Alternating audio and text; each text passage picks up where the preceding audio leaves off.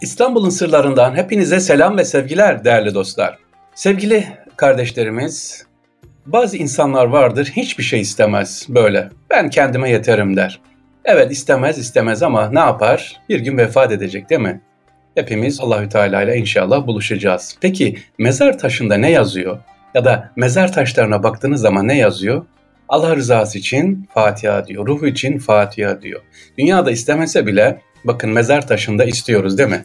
Yani istemekten gocunmayın sevgili dinleyiciler ya da istemekten kibir etmeyelim. Bana şu manada istemek diyorum. Dua eder misiniz demek, bana dua eder misiniz demek ne kadar güzel bir şey. Biri size bana dua eder misiniz diyorsa demek ki size ısındı, sizi seviyor. Tabii ki ederiz. Allah sana hayır versin, Allah sana iyilik versin deriz sevgiliciler. Bugün konumuzu mezar taşlarına ayırdım efendim. Osmanlı dönemi mezar taşları. Camilere gidiyorsunuz, Eyüp Sultan Hazretleri'ne gidiyorsunuz. Orada mezar taşları görüyorsunuz. Değişik semboller var, yazılar var. Onlarla acaba ne demekmiş? Şöyle bir giriş yapalım diyorum sevgiliciler. Osmanlı mezar taşları düzen bakımından baktığımız zaman mensur ve manzum. Yani ne demek mensur? Vezinsiz, kafiyesi düz yazı biçiminde olan, e, nesir şeklinde yazılmış olan yazılar. Manzum ise yazarın yazının tam tersine kafiyeli, düzene sıraya konulmuş, dizilmiş, tertipli, muntazam bir şekilde yazılmış yazılardır. Düzenli ve düzensiz yazılan metinlerin mezar taşları genellikle başlık, serlevhalar, kimlik, isim, dua, yakarış ve Fatiha tarih bölümlerinden oluşmaktadır. Şöyle bir örnek verirsek sevgiliciler, mesela mezar taşlarının ilk Bismillah en çok ne görürsünüz Osmanlı mezar taşlarında bakarsanız Hüvel Baki görürsünüz, o ebedidir. Hüvel Hay, o diridir.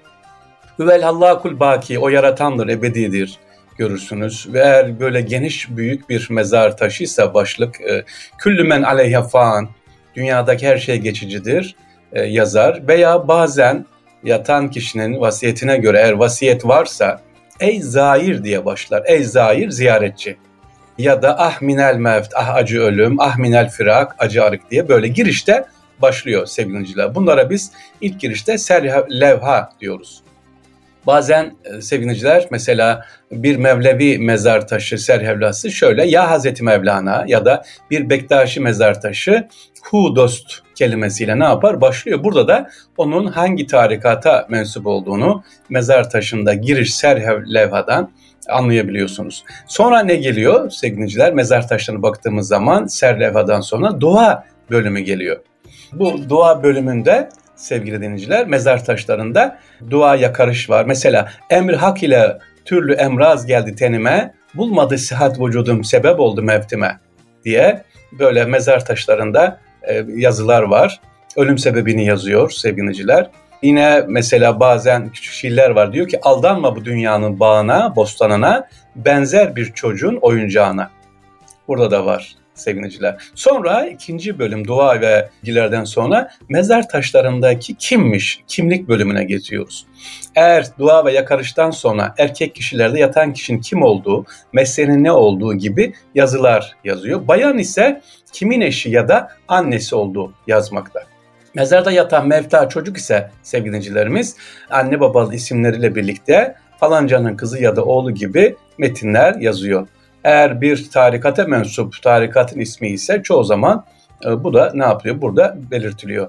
Mezar taşında mesela isim yazılırken özellikle mesela Seyyid, Hafız, Hoca, Hacı Şehit gibi hanımlar ise Şehide, Seyide, Şerife gibi ön takılar geliyor. Buradan biliyorsunuz e, kendisinin bu hanım Seyitmiş şerif ya da şehit olarak vefat etmiş. Orada anlıyorsunuz veya işte doğum yaparken vefat etmiş diye. Dua bölümünde ise ruh için el Fatiha veya Rıza Anillah Fatiha var. Bunu görüyoruz. Yani istiyoruz orada Fatiha istiyoruz sevgiliciler. En önemli bölüm ise mezar taşlarında e, tarih bölümleri var. Osmanlı dönemi mezar taşlarında genellikle takvim olarak hicri takvim kullanıldığı için bu yüzden mezar taşlarının tarih bölümünde hicri olarak yazıyor. Genellikle tarih bölümünde mutlaka sene ibaresiyle birlikte vefat tarihi düş. Mesela Muharrem ayının kısaltması e, harfi Arapça mim harfiydi. Mim harfi ha Muharrem ayında vefat etmiş. Ondan sonra hangi seneyi ise senesini yazıyor orada sevgiliciler. Bazen bazı mezar taşlarında daha da bir incelik var. Nedir bu incelik derseniz bazı rakamlar var ama bunlar işte ebced hesabıyla yazılmış. Sevgili Ne demek ebced? Arap alfabesinde her harfin bir rakamsal karşı bulunduğu için bu duruma bakılarak yazılar harflerin toplamı ile kişinin ölüm tarihi ne yapıyor? Çıkartılmış oluyor. Bazen tarih düşürme dediğimiz şey de bu. Evet bunlar böyle ama bir de şimdi sembollere girelim sevgiliciler. Bazen sarık görürsünüz, fes görürsünüz veya hiçbir şey yok çiçekler vardır. Hanımların mezar taşları. Onlara bir bakalım şöyle kısaca ne demek? Osmanlı, Osmanlı dönemi mezar taşlarının başlıkların, sembollerin şekilleri ve motifler burada. Hanım mezar taşı ise bir baktığımız zaman Orada bir incelik ve letafeti görürüz sevgili Mutlaka, mutlaka çiçekler, buketler, bahar dalları, gerdanlı küpe ve broşlar var. Bunu görürsünüz. Ha bu bir hanımefendiye ait. Osmanlı'da eğer hanımefendi genç yaşta vefat etmişse mezar taşlarına ne konuyor? Genelde duvak şeklinde. E, hatta bu mezardan ayak taşına da kırılmış bir gül koncası işleniyor sevgiliciler.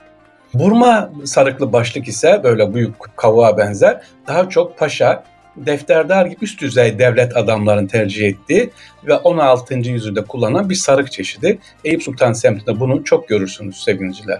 Bir de böyle büyük değil de örfi destarlı kabuk dediğimiz bu kabuğu takanların büyük bölümü küçük dereceli ulema veya küçük ve orta kademeden kadılar, müftüler, imamlar ve vakıfta çalışanlar ile derviş ve şeyhlerdir. Yani sarık var ama kalın değil örfi destarlı tavuk dediğimiz bir kabuğun üstü sağdan ve soldan ne yapmış bir yemeniyle örtülmüş. Ee, örfi destarlı kabuk üst dereceden e, mesela büyükse bu ulemaya ait bu tür kavuklar Şeyhülislamlar, kazaskerler, e, dediğim gibi kadılar ve Mekke Medine'de hizmette bulunan hoca efendiler. Ayrıca Selahattin camilerde görevli olan kişiler de ne yapıyormuş? Bu destari kavuğu takıyormuş. Bir kavuk çeşidi var ki bunu görürsünüz böyle uzun. Kallavi kavuk diyoruz biz buna. Kallavi kavuk gördüğümüz zaman uzun nasıl söyleyeyim Honu'ya benzer. Osmanlı yönetiminde mutlaka sadrazam, kubbe altı vezirleri ve kaptanı deryalar tarafından bu kavuk kullanıyor. Mezar taşına baktığımız zaman kimmiş bu? Ha üst düzey yani sadrazam ya da kaptanı derya olduğunu ne yapıyoruz? Bu kavuk çeşidinden anlıyoruz sevgili Bir başka katibi kavuk. Evet, İstanbul mezarlıklarında en sık rastladığımız başlıklar bunlar. Baş kapı ketüdaları, kapı kulu görevlileri üst düzey Yeniçeriler tarafından kullanılıyor bunlar. Demek ki sarayda görevli Yeniçeri'de olduğunu ne yapıyoruz anlıyorlar. Ee, üst düzey tabii Yeniçeriler bunu kullanıyor. Ee, kadibi kavuk dediğimiz nasıl bir şey bu kavuk? Ee, yine fes var sarılıyor ama ön taraf böyle secdeye gelecek tarafı açık olan bir kavuk çeşidi. Bir de farklı bir bunu açık görüyoruz. Kafesli destarlı başlık ise Divanı Humayun mensupları tarafından yani Bakanlar Kurulu'nun giydiği bir kavuk çeşidi var. Tabii şu anda radyodasınız göremiyorsunuz ama mantarı düşünün. Bir mantar, büyükçe bir mantar. Onun altı böyle kafesli bir şekilde yapılmış. Kafesli destarlı başlık diyoruz. Bunlar da Bakanlar Kurulu'nun girmiş olduğu başlıklar. Mezar taşlarında bir geldik fes. En çok benim anlattığım gezerken sevgiliciler fesli başlıklar. Kişinin mesleği hakkında tam bilgi vermez. Sadece hangi dönemde yaşadıklarını alırız. Eğer fesli mezar taşı varsa en büyük ve görkemleri 2. Mahmut döneminde kullanılan o dönemi anlıyoruz demek ki. Bu tabi mezar taşının püskülü sağdaysa veya solda veya arkadaysa da yine bu bize neyi veriyor? Hangi görevde üst rütbeli mi, alt rütbeli mi, fesin solda veya sağda olduğundan anlıyoruz sevgiliciler. Sultan Abdülaziz döneminde mesela ne yapmış? Fes biraz daha yumuşamış, üst kısmı gayet dar ve basık daha kısa fesler çıkmış. O zaman da diyoruz ki ha, bu Sultan Abdülaziz döneminde diyoruz. Yeniçeri mezar taşlarını İstanbul'da çok az görürsünüz. Neden? Biliyorsunuz Vakaya Hayriye yaşandı ya 2. Mahmut döneminde. Ondan sonra birçok mezar taşı tabii tahrip edildi maalesef. Onlar da tarih halbuki. Özellikle Yeniçeri Eyüp Sultan'ın tam tepesinde noktada görürsün Yeniçeri mezar taşlarını. Orada da simge ve başlıklar var hangi bölükte olduğunu, hangi yerde olduğunu ne yapıyoruz görebiliriz Yeniçeri mezar taşlarında.